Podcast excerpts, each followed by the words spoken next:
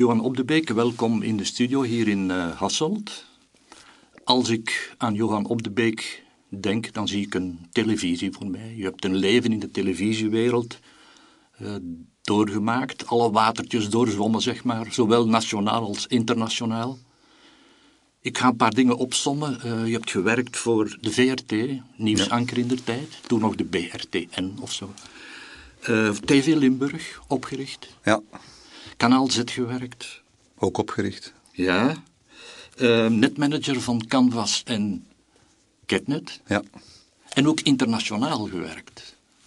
Euronews. Je hebt daar de leiding gehad van hoeveel journalisten? 200, ik zeg maar iets? Ja, enkele honderden, ja, van, uh, met, met negen verschillende talen ook uh, in, in huis. Dat was wel een avontuur. Ja, dat speelde zich af in Lyon, geloof ik. In Lyon, ja. ja. ja Je hebt veel documentaires gemaakt.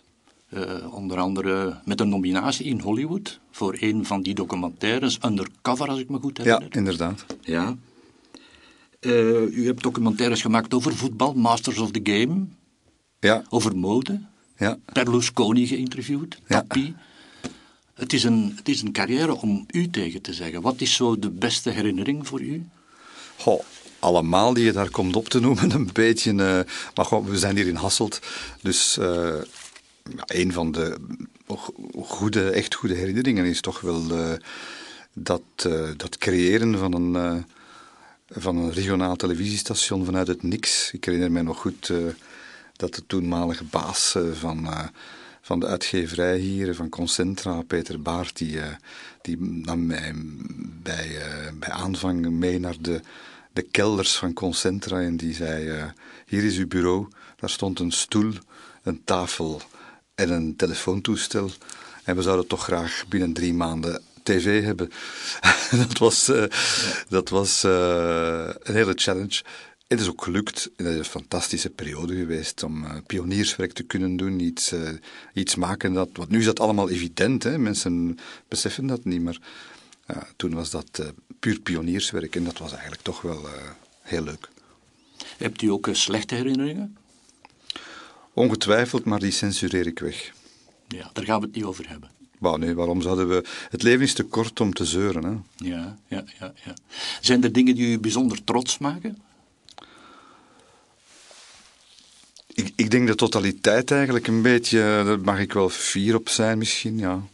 Zijn, ik, heb geen, ik heb geen wereldschokkende dingen gedaan, vind ik zelf. Uh, maar uh, wel ongeveer alles wat je in, deze, in dit vak kunt doen, in de, in de televisie, informatie en journalistiek uh, wereld op, op, op dat medium, heb ik van, van hoog tot laag de dingen kunnen doen. Um, en ik heb ook nog in een tijd kunnen werken waarin je nog echte tv-journalistiek kon, kon maken zoals je het zelf een beetje wilde. Nu is dat allemaal marketing gestuurd en uh, naar mijn smaak althans, want op de VRT zal men het wel anders vinden. Maar ik ben blij dat ik die periode nog heb kunnen meemaken en ik, ik, ja, ik ben blij dat ik nu iets anders doe ook wel. Mm -hmm. Ik wou net vragen, u ging in de tijd weg bij de VRT. Dat moet eind jaren 80 geweest zijn, begin jaren 90 denk ik. Ja. Waarom deed u dat? Ja, ik denk dat ik het ondernemersbloed uh, in, in mijn aderen heb. Uh, ik wilde met, met eigen dingen doen en niet binnen dat keurslijf van een grote organisatie werken. En dat is nog altijd zo. Uh, dus ik ben daar toen begonnen inderdaad met die op, stel, op zelfstandige basis internationale documentaires te maken. Uh, dat, is, uh, ja, dat, dat doe je niet zomaar, dat is met vallen en opstaan. En dat uh, houdt ook in dat je in het begin van, je, van die, die tweede start toch ook wel wat zwarte sneeuw soms moet verwerken. maar, maar vandaag doe ik dat niet meer. Vandaag heb ik een, een PR- en communicatiebureau en ik werk nog altijd met media, maar nu aan de andere kant van de demarcatielijn. Ja, dus op de beken partners, partners zo ja, heet het. Ja. Ik wou net vragen, die onderzoeksjournalistiek, uh, wat was daar de charme van? Wat trok u daar zo in aan? Goh, documentaires maken is, is misschien wel wat ik het liefste heb gedaan in mijn... Uh, in, in, in, ja, als ik dat allemaal hoor, wat u daar komt op te sommen, ik, ik doe dat nooit, maar dat klinkt inderdaad nogal... Dat is veel en van alles. Maar documentaire maken, dat is wel wat ik het misschien het liefste wel heb gedaan. Uh, een film maken. Het is ook wel vluchtig hoor, want je bent soms een jaar bezig aan een film. En dan komt die op tv. En dan is dat na 50 minuten over. En dan krijg je een paar telefoontjes en je komt eens in de krant en het is voorbij. Uh, dat, dat, dat is misschien ook wel, wel de, de, de, de keerzijde van de medaille die, die andere mensen niet zien. Maar het is allemaal zo vluchtig en zo. Uh, ja, wat betekent het allemaal uiteindelijk? Is misschien ook wel een vraag die je kunt stellen. En dat heb ik veel minder met boeken. Nu ik boeken schrijf, uh, dat heeft een veel, veel langer leven. Ja, ik bereik misschien geen, geen miljoen mensen zoals vroeger. Maar ik ben wel, uh, ik kom wel uh, overal in Vlaanderen. Ik kom op heel veel plaatsen. Ik mag gaan spreken op, heel, op, op tientallen en tientallen plekken. En dat boek, of die boeken, die blijven, die blijven lang, lang leven. En die blijven ook. Je ziet die voor je liggen thuis, of je ziet die in de winkel uh, in het uitstalraam liggen, of mensen komen je erover aanspreken. En dus dat bereik is veel, veel minder groot, maar de satisfactie, moet ik u zeggen, is, is toch wel aanzienlijk hoor. Ja, ik, ik moet zeggen dat ik daar helemaal niet, uh, niet rouwig om ben, om, om die vergelijking te maken. -hmm. U uh, hebt in de tijd communicatiewetenschappen gestudeerd. Lag voor de hand, of niet? Had dat een andere richting kunnen zijn? Ik zal u een geheim verklappen. Ik heb die richting vooral gekozen uh, om, uh, om geen wiskunde te moeten uh, doen, want daar was ik slecht in. en omdat die, die toenmalige communicatiewetenschappelijke richting, zoals dat zegt daar, dat, dat, ik deed het vooral omdat ik daar literatuur in ging krijgen en film en geschiedenis en, en dat waren allemaal dingen die mij boeiden. En, uh, en het was dus geen bepaalde keuze om dan later in de journalistiek te gaan of om in de marketing te gaan of zo. Tegenwoordig is dat allemaal veel meer gestroomlijnd en gekanaliseerd. Je moet al onmiddellijk kunnen denken van waar ga ik uh, mijn kost kunnen verdienen en Carrière, hoe zal dat... Carrièreplanning. Uh, ja, absoluut. En, en, en bij mij was dat totaal geen carrièreplanning. Ik heb die richting gekozen omdat, zeg, die... die die, uh, het was een, een, panoplie van, van verschillende dingen die mij boeiden. En dat is nog altijd eigenlijk een, een rode draad in mijn leven. Ik wil niet in een hokje gevat worden. Heeft het te maken met uw vader, het feit dat u in die richting bent gegaan? Want uw vader, Wart op de Beek, was ook een omroep. Ja, ja, ja was een omroepjournalist, absoluut. Uh, heeft het ermee te maken uh, hij heeft mij alleszins gestimuleerd om, om mee, te, mee te doen in, het, in dat uh, legendarische journalistenexamen van de VRT. Ja. Uh, moeilijk en, en, en zo verder. En och, ik, ik was net afgestudeerd en er was een nieuwe lichting die, die gevraagd werd. En er werd een examen uitgeschreven. En ja, en je bent wel wat geprikkeld om, om, eens te, om daar eens aan mee te doen, ja. Maar ik kan u niet zeggen dat. Eh, ik ben, ik ben absoluut niet doelbewust in die richting gegaan. Als dat niet was gelukt, dan was ik wel iets anders uh, begonnen. Zo. Uh, en dan, ja, plotseling vindt men dat, dat je dat goed doet op, het, op het scherm. En dan twee maanden later zit je een journaal te presenteren. Dat, je rolt daar gewoon in. En dat is eigenlijk in heel mijn carrière zo geweest. Ik, ik heb nooit iets bewust zo geambieerd. Uh, ik, heb, ik heb nooit iets, ik heb ambities, iets dat mij eigenlijk een beetje vreemd is. Ik, ben wel iemand die, die, uh, die schouderklopjes nodig heeft en die, die, uh, die, graag, ja, die, die graag erkend wordt, absoluut. Maar ik kan niet zeggen dat ik geambieerd heb om op de VRT-redactie te, om, om ankerman te worden, om dat, dat, nee, dat is allemaal zo ja, gekomen. Ik ben daar, zoals ik het zei, ingerold. En, en mensen vragen, wil je nu dat gaan doen? Iemand komt zeggen van, Tja, we willen een nieuw tv-station maken in Limburg. Wil u dat niet uh, komen leiden? Ja, ik wil dat wel graag doen. Uh, maar, maar dat is nooit mijn bedoeling geweest van, ja, ik. Dat, zo, ja, zo, zo zat mijn leven niet in elkaar. En nog niet. Ik ga even terug naar uw vader. Waarom? Omdat hij met uh, u in de tijd naar het graf van Napoleon ging, bijvoorbeeld. En ja. over Napoleon vertelde. Wel, mijn vader was alleszins iemand die uh, de horizonten geopend heeft. Uh, vertelde over, ja, over politiek en over geschiedenis. En, en daar heb ik heel veel aan te danken, ongetwijfeld. Er waren ook mensen, mijn ouders, die die uh, mij op reis uh, meenamen en dan niet noodzakelijk naar, uh, naar het blanke strand, maar naar interessante dingen. En een van die dingen die ik mij nog kan herinneren, want er zullen er nog andere geweest zijn, maar ik vond het toch wel indrukwekkend, ja, om daar zo aan de hand van mijn ouders in dat, uh, onder die koepel van de, de Dôme des Invalides in Parijs te, te mogen uh, opdagen. En dan zo dat, dat graf langzaam.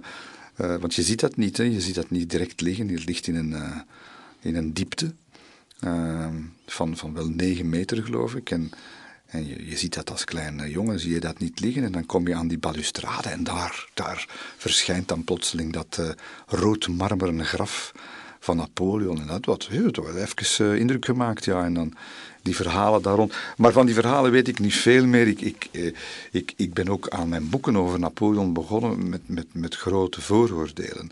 Uh, die, die, die waarschijnlijk nog stammen uit die toch primitieve verhalen die je daar op school en zo over krijgt en die dan, die dan, uh, die dan toch wel even anders blijken te zijn. Je dan, bedoelt vooroordeel ten opzichte van Napoleon? Van, ja, ja, ten opzichte van Napoleon, ja, ja, ja, uh, absoluut. Dat, ik denk, ja, wij denken altijd de geschiedenis te kennen en we weten het wel hoe het in elkaar zit.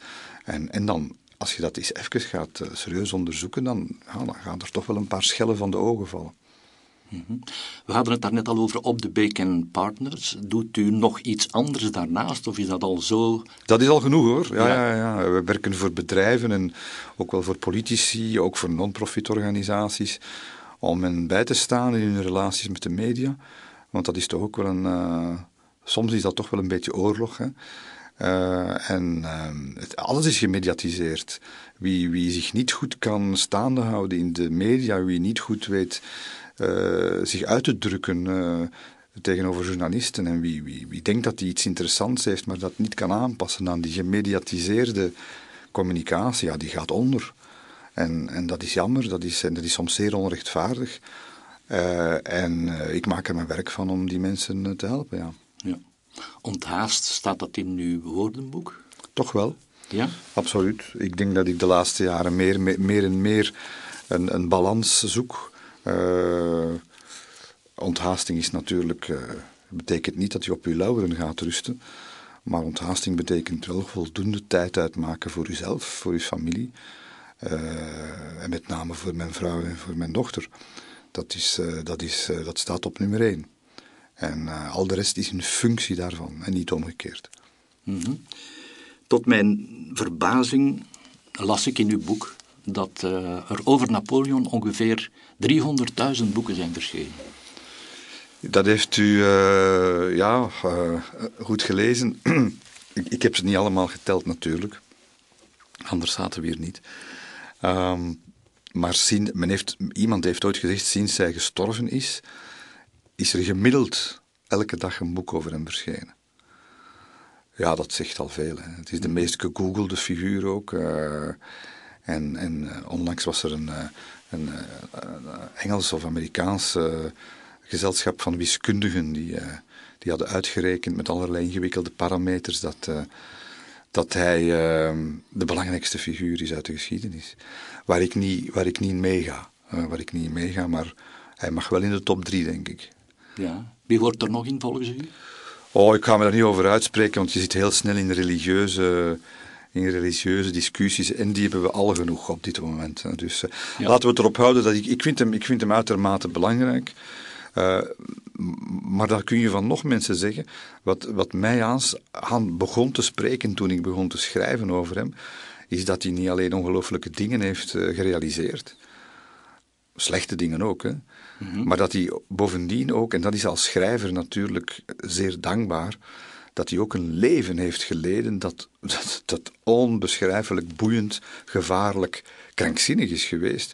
En dat dus een geweldige stof biedt om geen saaie geschiedenisboek te maken, maar een, een populair, zeer leesbaar uh, boek voor, voor, voor mensen die niet alleen iets interessants willen te weten komen, maar ook, laat ons eerlijk zijn, je leest ook boeken, tenzij die paar honderd uh, hè, maar, uh, maar je leest ook boeken om ja, om geamuseerd te worden, om geëntertained te worden en, en tegelijkertijd ook uh, ja, nieuwe, boeiende dingen aan de weet te komen. Ja. En daar biedt het leven van Napoleon, moet ik u zeggen, toch wel alle mogelijke stof. Je moet je best doen om geen boeiend boek over Napoleon te schrijven. En nogthans, bij die 300.000, ik kan u verzekeren, ik heb er vele van gelezen toch, zijn er ongelooflijk saaie, saaie en verkeerde werken ook. Hè. Foute, foute dingen die vertrekken vanuit grandioze vooroordelen. Ik heb de mijne, ik zei u daar straks, ik heb de mijne ook gehad, maar je moet dan de intellectuele eerlijkheid hebben om die opzij te zetten. En genoeg diep willen graven om tot een gebalanceerd verhaal te komen. Er zijn de laatste tijd ook wel andere werken verschenen, verschenen over Napoleon, waarin, ja, waarin men niet genoeg moeite heeft gedaan en waarin men blijft zitten op de, de, de smeugen, de, de spectaculaire verhalen, die, uh, die hem dan als een, uh, als een doodsgraver neerzetten. En dat aspect zit er zeker en vast in. Maar, maar er is meer dan dat. En we moeten, we moeten een gebalanceerd beeld geven dat toch tegelijkertijd ook wel uh, prettig is om, mm -hmm. om lezen. Is het daarom dat u daar nog een paar boeken aan hebt toegevoegd? Vier dikke boeken Absoluut, ja, dat, dat ziet u wel goed, denk ik. Uh, eigenlijk het plan was uh, vijf, zes jaar geleden om een, uh, een, boek te schrijven naar aanleiding van 2015, dit jaar, waarin we dit gesprek opnemen. dus de 200-jarige herdenking van Waterloo. Dus ik wilde dat, dat, dat verhaal dat ik vanuit, vanuit mijn jeugd nog wel zo wat kende, en iedereen is al wel eens op die lee van Waterloo geklommen en zo verder. En wat is daar nu juist gebeurd? Maar ja, voor je het weet begin je dan in dat leven van Napoleon te belanden. En dan, dan moet ik zeggen dat, dat ik moest beginnen verder schrijven. Dat, uh, dat kon ik niet laten liggen. Um, en van het een komt het ander. En plotseling zit je aan 1300 pagina's biografie. Hè. Uh, dat, uh, waar ik nog altijd stom verbaasd van sta, moet ik zeggen. Dat ik dat op die korte tijd gedaan heb. Want ehm, daar is, daar is, daar is dat, dat, daar is behoorlijk wat, wat, wat, werk en, en, en inspanning gekropen. En uh, mijn vrouw zegt me dat nog regelmatig. Ik begrijp niet hoe dat je dat gedaan hebt, want dat is uh, gegeven nog de zomer van, uh, van, van het afwerken van het tweede deel van de biografie. Dat was, dat was opstaan, een tas koffie drinken en beginnen schrijven en, en, en gaan slapen als iedereen al, gaan slapen als iedereen, of stoppen met schrijven als iedereen al lang in bed lag. Eh, en dat zo twee, drie maanden aan een stuk. Dat was een marathon. Uh, en een deadline natuurlijk, die moest gehaald worden. Ik ben wel gewoon om met deadlines te werken, maar dat was er toch wel een, uh, dat was toch wel een zware. Ja, als ik het aantal pagina's die u hebt neergeschreven optel, kom ik tot uh, een dikke 2000. Ik heb ze niet geteld, maar ik geloof u graag, ja. Ja, het zijn in totaal vier boeken, ja. twee biografieën, het eerste deel, het tweede deel. En dan uh, Napoleons nachtmerrie over ja. de fameuze tocht naar Rusland, de campagne ja, in Rusland. Ja, ja. Het tweede boek dat u schreef ging over Waterloo, de, de 100 dagen, de spectaculaire 100 dagen van uh, Napoleon. Uh, zullen we het misschien daar eens over hebben, over die twee boeken? Want we kunnen onmogelijk alles in, deze, in dit interview bespreken. Ja. Um, hoe kwam Napoleon in Rusland terecht. Wat ging hij daar doen? We zijn in 1812, voor alle duidelijkheid. Ja, we moeten ver teruggaan in de tijd om dat te begrijpen. Uh, eigenlijk eh, is het vreemd dat het tot een conflict is gekomen tussen Rusland en, uh, en Frankrijk en het keizerrijk, omdat die twee ten eerste ver uit elkaar liggen. en in die tijd was dat nog veel belangrijker dan vandaag. En, en eigenlijk geen enkele objectieve reden hadden om om een conflict te beginnen. En, en we moeten daarvoor dus terug naar de, de, echte, de echte oorzaak van die Napoleontische oorlogen. En dat is het al lang, lang aanslepende gevecht tussen twee superpowers van dat moment, Engeland en Frankrijk. En dat, dat, dat dateert van lang voor Napoleon. En dat is het, uh, dat is het gevecht om wie in de. Men, men weet nog niet dat de industriële revolutie over een paar jaar gaat beginnen, maar, maar men is al volop bezig om zich daarop voor te bereiden. En men, men wil, uh, zowel Frankrijk als Engeland natuurlijk, die, die zeeroutes uh, uh, beheersen, waar de, waar langs de, de koloniale rijkdommen zullen worden aangevoerd vanuit de hele wereld naar Europa. En die, die Engeland uiteindelijk de kampioen gaan maken, de empire gaan creëren, het, eh, de, de, de, kampioen van de industriële revolutie. En Frankrijk verliest langzamerhand die strijd. En, en het is natuurlijk Napoleon, uh, zijn, zijn staatsmanschap en zijn militair leiderschap, die, die, die nog één keer het gaan mogelijk maken om Engeland te challengen. En, en het is in het kader daarvan dat Napoleon uiteindelijk in, in in 1806, 1807 begint na te denken van ik, ik, ik kan, we, kunnen dit, we moeten dit niet met militaire middelen doen, we gaan dat doen met economische middelen. En hij gaat dus wat we tegenwoordig eh, economische embargo's zouden noemen instellen. En hij zal alle Europese havens, omdat hij op het continent wel de basis, uh, zal hij alle Europese havens afsluiten voor uh, Engelse vrachtschepen, koopvaardijschepen. En dat is eigenlijk de oorzaak van het hele verhaal. Hij zal daar, daarvoor ook een alliantie aangaan met, met Rusland. En Rusland zal langzaam maar zeker zich daaruit beginnen loswerken. Uh, ze zijn er eigenlijk toe gedwongen door, door, omdat ze ja, de ene oorlog na de andere verloren tegen Napoleon. En, en, ze beginnen toch een beetje aan te voelen dat Engeland misschien een betere partner is op wereldschaal dan Frankrijk. En ze maken zich daaruit los. En het is uh, dat eigenlijk, dat doorbreken van dat e-, economische embargo tegen Engeland door de Russen, dat eigenlijk Napoleon er bijna toe dwingt om het dan toch maar met militaire middelen te gaan uitvechten. En, en hij, hij, hij, ja, als, hij, als hij de Russen laat begaan, ja, dan, gaat, dan gaan de Duitsers en, en de, de, Nederlanders en de Italianen en de Spanjaarden en noem maar op, die gaan ook zeggen van ja, wij gaan ook terug handel voeren met Rusland. En is het gedaan. En dat is wat hem tot, uh, tot wanhoop zal brengen. En, en, in 1812 inderdaad een soort wanhoopspoging gaat doen. Uh, maar dat moet hij doen met een enorm leger. Hij heeft daar 600.000 soldaten voor nodig. En ze gaan zo uh, in de zomer van, van 1812 Rusland binnentrekken. En dat, dat, dat, dat, is het, dat is het Russische, de Russische veldtocht van Napoleon. Maar de oorzaak, zoals ik net kom te beschrijven, is natuurlijk, ligt veel dieper en gaat veel langer terug. Ja, die, die Russen die passen de tactiek toe van de verschroeide haarden, zoals dat heet dan. Ja. Uh, daar is het eigenlijk misgelopen, beginnen mis te lopen voor. Wel, uh, een onmetelijk land uh, met, met slechte wegen, met uh, minder waardige oogsten in vergelijking met West-Europa. Het leger van 600.000 mensen kan daar niet op leven. En, en bovendien, inderdaad, de Russen trekken, vechten niet, trekken zich terug. Zullen stad na stad ontruimen, zullen de, de graanschuren, uh, als ze ze niet kunnen leeghalen, zullen ze in brand steken. De bevolking wordt gedeporteerd. En, en, en men moet dus door een woestenij trekken. En dat, uh, dat zal dat leger van 600.000 mensen al, al flink beginnen uitdunnen. En tegen het einde van de zomer zullen er nog 200.000 over zijn. Niet dat de rest dood is, maar die moeten honderden dorpen en steden bewaken en die wegen bewaken en zo verder. En om de bevoorrading uh, draaiende te houden. En dat wordt een uitputtingsslag natuurlijk die... Uh, waarvan dan al duidelijk is, ja, met onze kennis 200 jaar later, maar, maar toen was het anders natuurlijk. Maar als je dat 200 jaar later bekijkt, dan had hij beter kunnen naar huis gaan op dat moment. Maar dat heeft hij niet gedaan. Nee. Uh, en de, dat is ook logisch dat hij dat niet gedaan heeft. Je gaat niet het grootste land ter wereld binnentrekken met 600.000 man en dan uh, tot aan Moskou geraken. Uh, en niks, geen verdrag of zo met de Russen kunnen afsluiten. Wel winnen, maar geen verdrag kunnen afsluiten. En dan terug naar huis gaan. Dat zou natuurlijk in de rest van Europa ervaren zijn als, een, als de nederlaag en het begin van het einde inzetten wat het ook geworden is. Maar, maar toen kon hij zich dat nog niet inbeelden, Napoleon. -hmm. hij, trok, hij trok effectief naar Moskou en kwam eigenlijk in een stad die zo goed als leeg was. Ja. En die dan nog begon te branden ook op een bepaald moment. Wel, uh, de gouverneur van Moskou heeft toen uh, begin september uh, zijn eigen stad laten in brand steken. Al het brandweermateriaal was overigens voor dat gebeuren al weggehaald door de Russen. Ja, en dat, dat, dat, heeft, dat was echt, echt de verschroeide aarde, maar nu ook de verschroeide stad. Dat was een houten stad. En dat nieuws is natuurlijk eh, heel snel eh, bekend geraakt in de rest van Rusland. En, en werd daar uitgelegd als Napoleon heeft ons Moskou in brand gestoken. En dat heeft de Russen eigenlijk de rug, de rug doen rechten.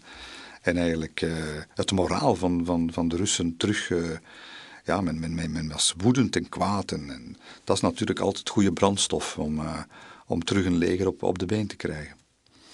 Uiteindelijk trekt hij dan toch weg uit Moskou, richting Parijs, zal ik maar zeggen. Ja. En ze worden overvallen door de winter van Rusland. Ja, tegen, tegen december zullen ze eindelijk terug in, uh, in, in Vilnius zijn, aan de, Baltische, aan de Baltische Zee. maar dan is het min 38 graden geworden. Ze zijn uit Moskou vertrokken bij positieve temperaturen. En ondertussen zijn er geen honderden, geen duizenden, maar, maar een paar honderdduizend doden gevallen. En men zal nooit de exacte cijfers kennen, maar van dat leger van 600.000 zullen er uiteindelijk in min of meer aanvaardbare gezondheidstoestand uh, nog 60.000 de grenzen van het Franse keizerrijk terug bereiken. Hallucinant in uw boek ook is die overtocht van de Berezina. Ja, de Berezina is de, is de laatste, uh, in het midden van de, van de terugtocht, in het midden van de winter. Uh, diepe, diepe vrieskou. En ze zijn nog met een goede 30.000 soldaten op dat moment, de Fransen. En ze worden ingesloten langs drie zijden door de Russische legers. En de Berezina is de laatste natuurlijke hindernis waar ze over moeten. Maar de Russen hebben die brug over de Berezina in, uh, in het stadje waar ze langs moeten uh, verbrand. Uh, en ze zitten vast. En dan zal Napoleon nog voor een allerlaatste keer een konijn uit zijn hoed toveren en een, en een, eh, een stukje opvoeren eh, dat, ja, dat toch wel straf is. Hij zal, eh, hij zal de Russen door allerlei manoeuvres eigenlijk misleiden. En in het putje november zullen ze twee bruggen een beetje verder naar het noorden over die stroom kunnen, kunnen leggen. Die dus gebouwd worden niet met kranen, maar met mannen die in hun bloot lijf in, de, in, die, in die bevriezende stroom gaan, gaan werken. Een vierhonderdtal pontoniers, vele hier uit de Maastreek. Limburgse mensen, uh, Naamse, uh, Pontoniers, Hollanders ook. En, en bijna allemaal zullen ze omkomen achteraf door, door de ontbering. Maar, maar, maar ze slagen er wel in om te, om te ontkomen. En dat, dat, het zal, het zal een, een, echt drama worden, die overtocht.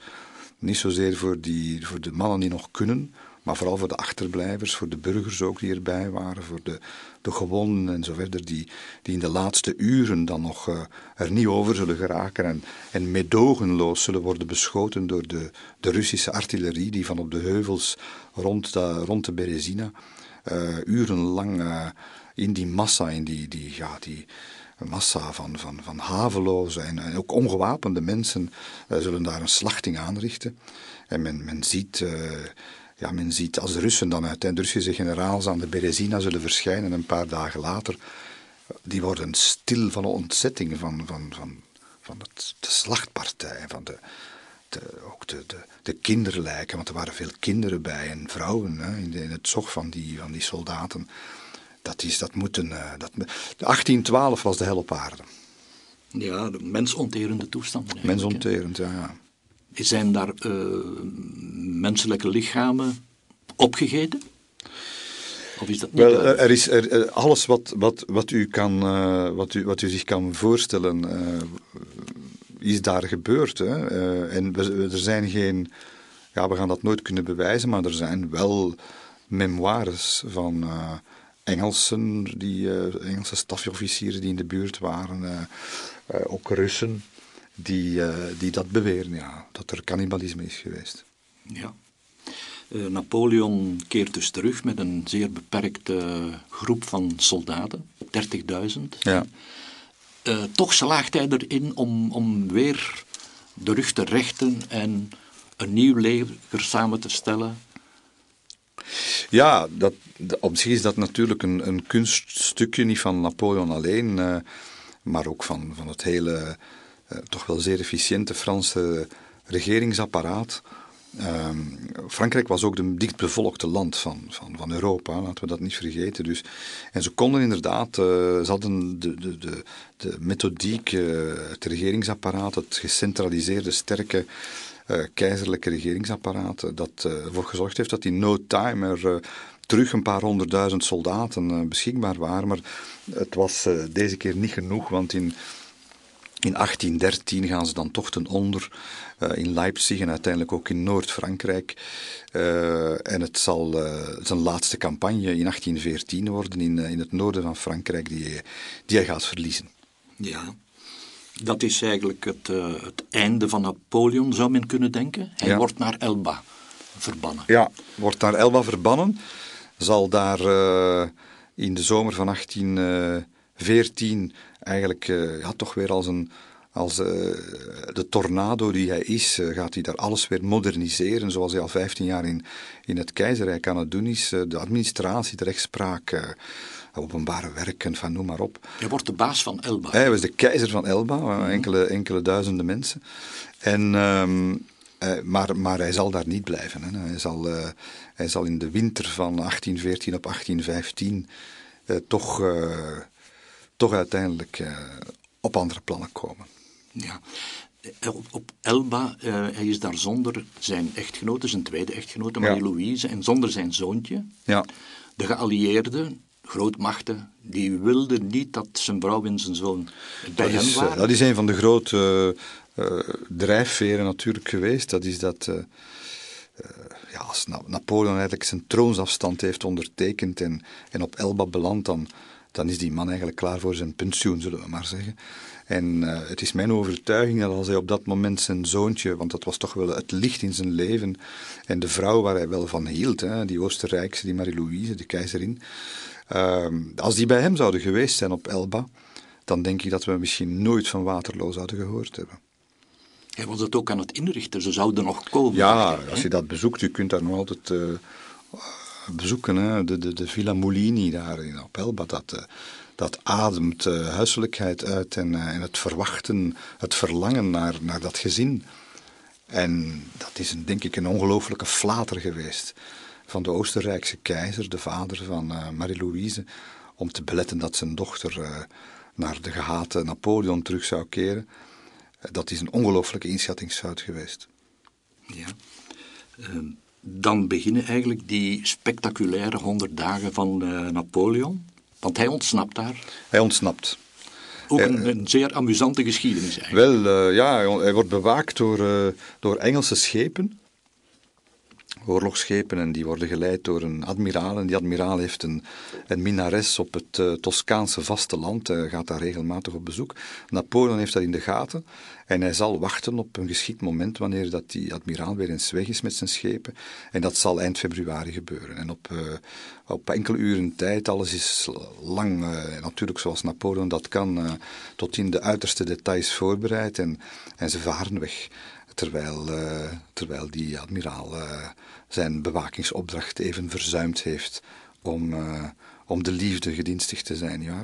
En, en ze varen weg en ze zullen, ze zullen even moeten wachten op wind, want er is te weinig wind. En dat is nog een spannend moment, maar uiteindelijk gaan ze toch de Franse kust bereiken een paar dagen later. Hij is dan met ongeveer een, een duizendtal soldaten? Ja, meer, uh, hij kreeg die nog mee, Warempel van de Tsaar, die toen baas was in Parijs, mocht duizend soldaten meenemen. Hij was tenslotte Napoleon, iedereen vreesde hem uh, en haatte hem soms, de tegenstanders, maar respecteerde hem enorm. En, dat, dat, anders kun je niet verklaren waarom de Tsaar, die toen toch de, lakens uitdeelde in, in Europa, na, na Napoleons nederlaag, dat hij dat hem nog eens de keizerlijke titel laat behouden van dat, van dat prutserige eilandje uiteindelijk. Mooi, maar, maar klein. En duizend soldaten meegeeft. Ja, dat was bijzonder wel. Hij komt dan in Frankrijk, land in Frankrijk, ja. en dat wordt een triomftocht richting Parijs. Ja, absoluut. Ook heel spectaculair. Die... Uh, het, is, het, is, het is merkwaardig eigenlijk dat, uh, dat hij daar uh, bij Grenoble, dat hij daar eigenlijk wordt opgewacht door een, een koninklijk leger. Maar ja, dat zijn natuurlijk allemaal soldaten die die lang onder hem hebben gediend en die gaan hem eigenlijk uh, gaan, ze gaan hem niet bevechten. Ze gaan hem in tegendeel uh, vervoegen. En zo zal dat ook in andere steden, Lyon en Auxerre en noem maar op, gebeuren. En zonder dat er één druppel bloed vloeit, zal Napoleon aan het hoofd van een leger Parijs terug gaan uh, innemen. Het is echt deze keer wel een militaire staatsgreep, geen politieke staatsgreep. Er is weinig draagvlak voor Napoleon op dat moment nog in Parijs. En wanneer hij daar dus de Tuilerieën terug zal bemannen en het roer van de staat in handen nemen, opnieuw als keizer, is het toch wel een ander land waar hij nu de leiding over neemt. Het is toch wel, het zijn, het zijn de, ja, de, de gevolgen van de verlichting van de Franse revolutie en van, van zijn heerschappij toch ook wel. Uh, die, nu, uh, die nu zichtbaar worden. En dat is het nieuwe politieke denken, de nieuwe politieke generatie die opstaat, het liberalisme dat zegt van kijk, uh, het zal niet meer zijn zoals vroeger. U mag keizer zijn, maar het zijn nu de parlementen die mee gaan regeren. Het is het begin van de, van de constitutionele monarchie en van wat later de parlementaire democratie gaat worden. En uh, daar moet nu Napoleon rekening mee houden. En het is niet meer, uh, het is niet meer de alleenheerschappij van de afgelopen jaren. absoluut niet. En het is in die politieke constellatie ook dat, dat hij nu het land gaat leiden en moet voorbereiden op, op de nieuwe confrontatie. Want in Wenen, in het congres van Wenen, beslissen de andere mogendheden dat ze dit gaan oplossen met oorlog en niet met, en niet met praten. Die grootmachten zaten daar samen op dat moment. Voor hen eigenlijk een, een gelukkig toeval? Heel gelukkig toeval, want als ze, een paar dagen later was het plan, gingen ze allemaal terug naar hun hoofdsteden. Ja, en in die tijd heb je geen beschikking over telefoons en laat staan over satellieten en, en, en dat soort moderne communicatiemiddelen. Dus dat wil zeggen dat ze zouden moeten overlegd hebben met couriers. Dat zou weken, zo niet maanden geduurd hebben. Ruim voldoende de tijd voor Napoleon om, om terug een sterke positie op te bouwen. Uh, nee, eh, ze waren nog allemaal samen in Wenen en konden onmiddellijk beslissen en dat heeft het verschil gemaakt. Ja. Dan komt Waterloo. Waar u een volledig boek hebt aan gewijd? Ja, dat gaan we niet in tien minuten uitgelegd krijgen. Nee, ehm, Waterloo is, uh, is, misschien wel nuttig om erop te wijzen dat het geen toeval is. Dat, want dat is ook zoiets dat je. Uh, ik stond daar niet bij stil vroeger. Napoleons laatste veldslag was in Waterloo. Uh, hij is daar verslagen. Ook iets wat ik eigenlijk vreemd vond, want als, als, als klein kind, schoolkind, denk je van Napoleon en Waterloo, dat wordt in één adem genoemd. En het was krankzinnig eigenlijk om altijd dan erbij te moeten vernemen dat hij daar verslagen is. Iedereen die, naar, ook hedendaagse toeristen die in Waterloo opduiken, die, die hebben het over Napoleon. Niemand spreekt daar over Wellington. Dat is een unicum in de geschiedenis. En dat zegt iets over dat, dat, dat, dat, de legacy van Napoleon. Eigenlijk ga je daar over Napoleon uh, praten, maar je praat, je praat niet over die nederlaag. Je praat over, ja, wat, wat een geweldige man was dat toch wel. En, en, dat, is, dat, dat, is heel vreemd. Dat, dat kom je nergens op geen enkele andere plek, nog geschied, geschiedmatig, nog, nog geografisch kom je dat tegen, dat die plek wordt herinnerd omwille van de overwonnene en niet omwille van de overwinnaar. Dat is heel vreemd. Had dat ook anders kunnen lopen? Had hij daar kunnen winnen eventueel? Oh, dat is uh, de Madame Blanche vraag natuurlijk. Uh, uh, militaire experten zeggen vaak, ja, 99 keer op 100 wint hij. Ehm, hij is daar de boot ingegaan om, om heel wat redenen hoor. om te beginnen dan hij niet de juiste entourage bij. precies door die uh, die, die nieuwe politieke situatie moest hij compromissen sluiten over de, het soort maarschalken dat hij meenam naar Waterloo. Uh, hij was zichzelf ook niet meer. Hij was ziek en, en, en, en vroegtijdig oud. En, en eh, was gekweld door allerlei kwalen, ook in Waterloo, ook de nacht nog voor de slag. Uh, en heeft vergissingen gemaakt. Uh, en heeft ook het, niet het, gebruikelijke geluk gehad dat hij, dat anders... Je hebt het geluk ook nodig. Eh, dat hij anders wel had. En, en uh, is er ook wel wat verraad geweest en misschien ook niet de juiste beslissingen door, door zijn stafchef en dergelijke dingen meer. Dus het is een combinatie van, van factoren. En niet te vergeten, ook toch wel uh, goede beslissingen aan de andere kant en, en geluk aan de andere kant bij, bij Wellington. En ja, dat allemaal maakt het verschil tussen winnen en verliezen. Hij was ook niet meer de Napoleon, hij was getekend door... Hij was getekend, uh, ja, ja. Rusland heeft hem ook gekraakt. Uh, Napoleon was een man die voor Rusland 18 uur per dag werkte. En dat was gedaan. Hij was een man nu geworden die bij het avondeten met zijn hoofd bijna in zijn bord in slaap viel. En dat is dus... Uh, dat is dus niet meer Napoleon, of toch niet meer de Napoleon die we kennen van voor Rusland. Hij wordt dan verbannen naar Sint-Helena. Dat is niet bij de deur. Nee, dat is uh, drie maanden varen mm -hmm. in die tijd. Ja. Uh, in het midden van de Atlantische Oceaan, echt wel uitgekozen door de Engelsen, die dat eigenlijk gedaan hebben zonder, zonder enige rechtsgrond. Hè. Hij is nooit veroordeeld geworden voor een of andere rechtbank. Integendeel, het was zijn plan om naar Engeland te gaan, één keer voet aan wal. Dan, dan, dan moesten ze hem een soort asiel geven, want dat, zo was de Engelse wetgeving. En men heeft eigenlijk gezorgd dat dat niet ging gebeuren.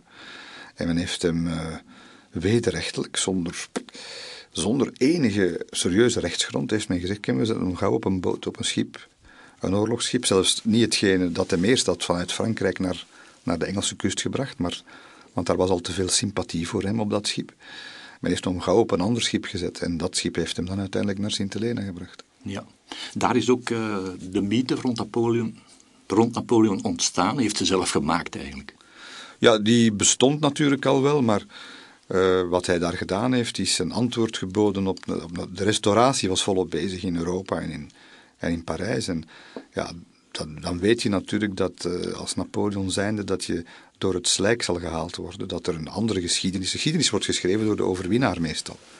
En hij heeft dat niet laten gebeuren. Hij heeft gezegd, kijk, ik ga mijn eigen geschiedenis schrijven. Hij heeft dag in dag uit, soms aan twee, drie mensen tegelijk, zijn versie van de feiten gedicteerd. En die versie heeft, uh, heeft een, een, een, evenwaardige plaats gekregen naast de officiële geschiedschrijving. En ja, die twee naast elkaar leggen is een, is een, een helve job. Uh, wie heeft daar nu gelijk? Uh, en, en het is in elk geval toch wel zijn verdienste geweest dat hij, dat hij zich niet heeft laten doen daar op Sint-Helena. En dat hij is blijven leven. Hij was daar ook al mee bezig op dat moment. Hij was al lang niet meer met het leven van die dag bezig. Hij was bezig met, met zijn zoon. Met wat hij moest weten over, over zijn vader en, en, en over hoe de maatschappij er zou moeten uitzien. En hij was bezig met de, de volgende generaties. En die volgende generaties hebben niet in de eerste tientallen jaren, zeker niet, maar wel daarna hebben, hebben de, de legacy terug opgepikt. En en, en dan is natuurlijk een mythe ontstaan. Hè. Dan, dan, zijn, dan, is de, de mythe in slechte zin ontstaan. De, oorlogsstoker, de massamoordenaar voor de enen. En de heilige, uh, de heilige Napoleon voor de anderen. En ik heb getracht in mijn boeken om de middle of the road te zoeken. Ja, er wordt van hem wel eens gezegd de, de, de Franse Hitler. Hè? Ja, dat is natuurlijk, dat is baarlijke nonsens. Dat wordt mhm. echt gezegd door mensen die daar die er geen kaas van gegeten hebben en ook niet de moeite doen om de historische feiten op te zoeken. Kijk, uh, Hitler is de man van de duisternis. Napoleon is de, de, de, is de man, de man van de, het product van de verlichting. Napoleon heeft de godsdienstvrijheid ingevoerd. Uh, Hitler heeft de Joden vergast. Wel, uh, Napoleon heeft zich geëmancipeerd. Hitler heeft niets nagelaten dan één grote puinhoop ja, Napoleon heeft ons de Code Civil, het burgerlijke wetboek, nagelaten, de moderne maatschappij nagelaten. Er is geen enkele vergelijking en ook de, de, de, grote, de, de meest beroemde biograaf van Hitler, Ian Kershaw, die twee ongelooflijk mooie, interessante en belangrijke boeken over Hitler heeft geschreven, die heeft dat ook letterlijk gezegd. Dit is cafépraat. Mm -hmm. Wat waren zijn kwaliteiten als veldheer?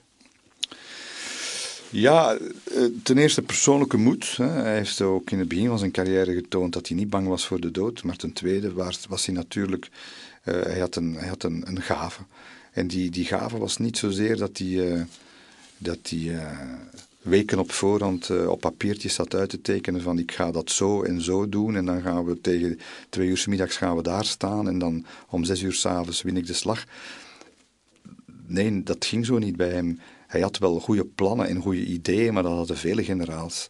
Zijn gave was dat hij tijdens een veldslag dingen zag die anderen niet zagen. Uh, de schaker, eigenaardig, want hij was een zeer slechte schaker in het, op het echte schaakbord. Maar in een veldslag was hij een schaker die vele, vele zetten vooruit kon denken en dingen kon bedenken die niemand anders kon bedenken en waar je ook geen verhaal tegen had en dan plotseling gebeurde het. Ja, dat, dat, je kunt het niet anders noemen als dat is genie, zoiets. Hè. En dat kom je één keer op de duizend jaar tegen, denk ik. Uh, Keizer was ook zo iemand. En, hij, en Alexander de Grote. Maar, maar, maar Napoleon was op het slagveld uh, onvergelijkbaar. Behalve die ene keer een paar kilometer ten zuiden van Brussel. Mm -hmm. uh, zo kun je ook zeggen, hij is een, een geniaal staatsman?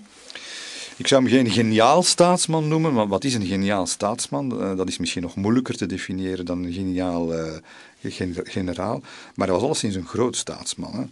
Hè. Uh, ik denk dat zijn grote verdienste is dat die, die kijk, die, die 15 jaar Napoleon, die hebben volstaan om de belangrijke maatschappelijke belangrijke, dat is een understatement, de, de, fundamentele maatschappelijke vernieuwing van de Franse Revolutie om die te doen overleven. Ik denk dat dat zijn grote verdienste is. De, revolutie komt in 1789 na een eeuwen middeleeuwse uh, onrechtvaardigheid, hè, zullen we het maar zo de katten bij de naam noemen, ehm, komt met een, met een, met een, met een brutale, gewelddadige omwenteling, wil alles veranderen. En kan niet omspringen met, met wat wij vandaag oppositie noemen. Voor de revolutie was er geen oppositie, laat ons duidelijk zijn. Er was een door God gewilde maatschappelijke onrechtvaardigheid. De koning en de adel en de hoge geestelijkheid, 1% van de bevolking, en de rest heeft geen rechten, heeft uh, geen, eigen, uh, geen eigendommen, heeft, heeft geen uh, toekomst. En dat verandert de revolutie. Maar, maar, maar op een brutale manier en, en met de guillotine. En het is de verdienste van Napoleon dat hij er een einde aan maakt. En dat hij de goede dingen, de slechte dingen stopt en de goede dingen overhoudt.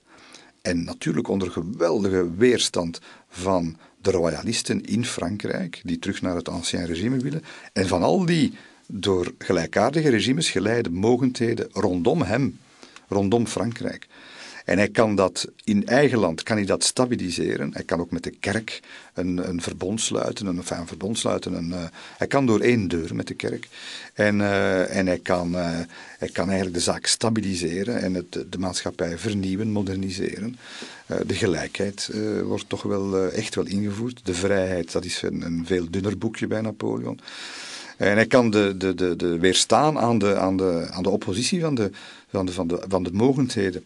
En die vijftien jaar lang doet hij dat. En dat, dat volstaat net om ons in de nieuwe tijd te brengen. In de moderne samenleving te brengen. En dat is, zijn, dat is een weergalloze uh, erfenis die we, waar we hem dankbaar moeten voor zijn.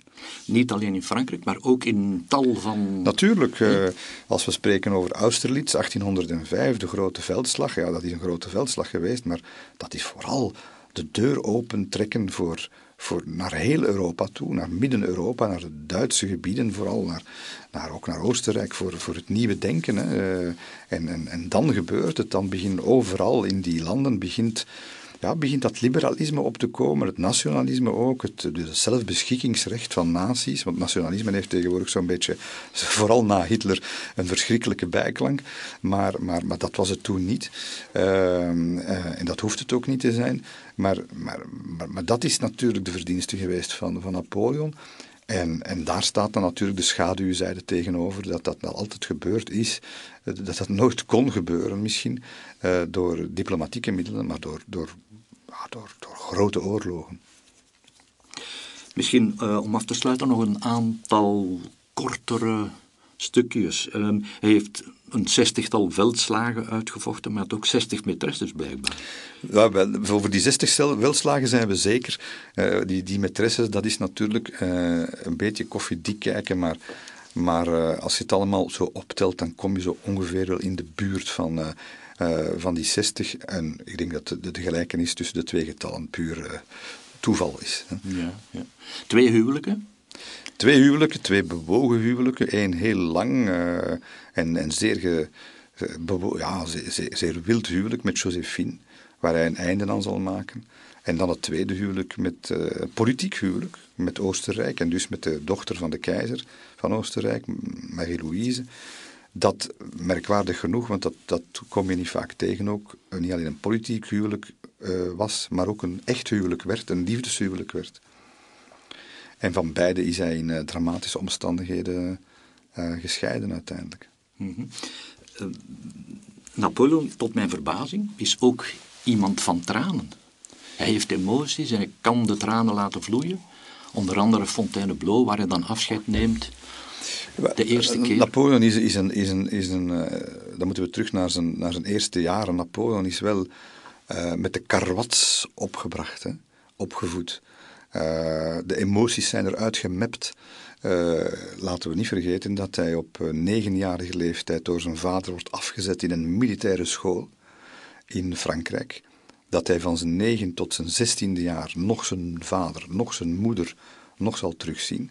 Dus hij, wordt, hij, hij zal zijn, zijn jonge jaren, zijn puberteit en zijn adolescentie in, in, een, in, een zeer, in het hardst denkbare milieu, namelijk het militaire milieu, opgroeien, laat sporen na. En hij zal altijd zijn, zijn emoties verbergen. Ehm, maar op een bepaald moment komt dat dan wel toch naar boven. Ehm, ja, inderdaad, als hij afscheid moet nemen van zijn trouwe garden op de Cour de Cheval Blanc uh, op, uh, in, in, Fontainebleau. Uh, als hij afscheid gaat nemen van, van Malmaison, waar hij de grote jaren, de gelukkige jaren met, met Josephine heeft beleefd, zal, zal het tot een geweldige emotionele uitbarsting komen. Um, ook op Sint-Helena zal hij, dat is dan meer begrijpelijk, uh, zal men hem langzaam in een totale depressie zien, zien belanden. Nee, nee, het was een man die, zoals elk mens, emoties en grote emoties kende, maar die, die dat zichzelf aangeleerd had en, en, gedwongen had om ze nooit te tonen. en dat ook trouwens van zijn omgeving verwachtte. Napoleon heeft zijn leven en ook zijn privéleven totaal opgeofferd voor de raison d'état. Uh, en hij verwachtte dat ook van zijn omgeving. En dat maakt natuurlijk het beeld van de, de harteloze. Maar dat was hij, denk ik, uh, helemaal niet natuurlijk. Uh, ik probeer uit te leggen hoe, hoe, iemand, wat, wat het verschil is tussen het innerlijk van iemand en de perceptie die de buitenwereld ervan heeft. Men zegt altijd Napoleon was klein, klein van gestalte. Ja. Hoe groot was hij? Hij was geen grote, maar hij was ook niet klein. Het zijn de Engelsen, de Engelse propaganda, als je naar de, ook de karikaturen uit die tijd, die, die, die, die bloeddorstig en, en gemeen zijn, uh, daar is Charlie Hebdo niks tegen, hè, tegen de Engelse karikaturen van, uh, van Napoleon. Uh, hij was, hij was een meter 68 en 7 millimeter wanneer men hem gemeten heeft op zijn doodsbed. Uh, en de gemiddelde lengte van de Fransman in die tijd was een meter 69. Dus dat ligt niet ver uit elkaar. Dus hij was niet bij de grootsten, maar je kunt het geen dwerg noemen zoals de Engelsen het gedaan hebben. Mm -hmm. En nog één vraag. Het graf van Napoleon in Parijs, waar u als kind stond te kijken, ligt Napoleon daar wel degelijk? Ah, is dat ja. zeker? Zijn dat zijn stoffelijke resten? We weten het uh, volgens de Fransen wel natuurlijk. Uh, maar we weten het niet met zekerheid. En die zekerheid zou kunnen geboden worden door een DNA-onderzoek. En dat DNA-onderzoek, uh, het is uh, professor Cassiman die me dat verteld heeft, van Leuven, de grote DNA-specialist. Hij heeft de vraag gesteld aan de Franse regering om dat te mogen onderzoeken. je, kunt dat, je kunt dat tegenwoordig met, met zijn kennis. En het antwoord was non. Ja, waarom? Uh, kijk, mocht blijken dat hij daar niet ligt. Dat is een, ja, de, catastrofe is onbeschrijfelijk, alleen al voor het toerisme natuurlijk. En miljoenen mensen komen daar eh, naar kijken. En, uh, en, en waarom zou je daar niet liggen? Ja, daar zijn allerlei ook weer wilde verhalen die daarover de ronde gaan. Ik heb ze ook in mijn boek beschreven, maar het, het, het, is niet ondenkbaar natuurlijk dat, dat, dat de Engelse koning in die tijd, die, die rare een rare koning was die allerlei die mummies en zo verzamelde. Dat die, dat zou kunnen bevolen hebben van, kijk, eh, breng die maar naar, eh, naar Londen. Uh, in plaats van naar Parijs besteken iemand anders in die. Dat, dat is allemaal mogelijk. Ik hecht daar niet zoveel waarde aan, aan die verhalen persoonlijk. Maar ik kan ook niet zeggen dat het 100% uitgesloten is. Johan Op de Beek, ik dank u voor deze zeer boeiende uiteenzetting. Alsjeblieft.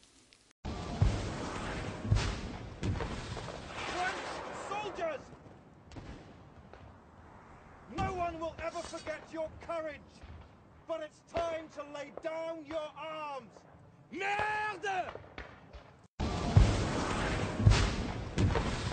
French soldiers! No one will ever forget your courage. But it's time to lay down your arms. Merde! Sergeant!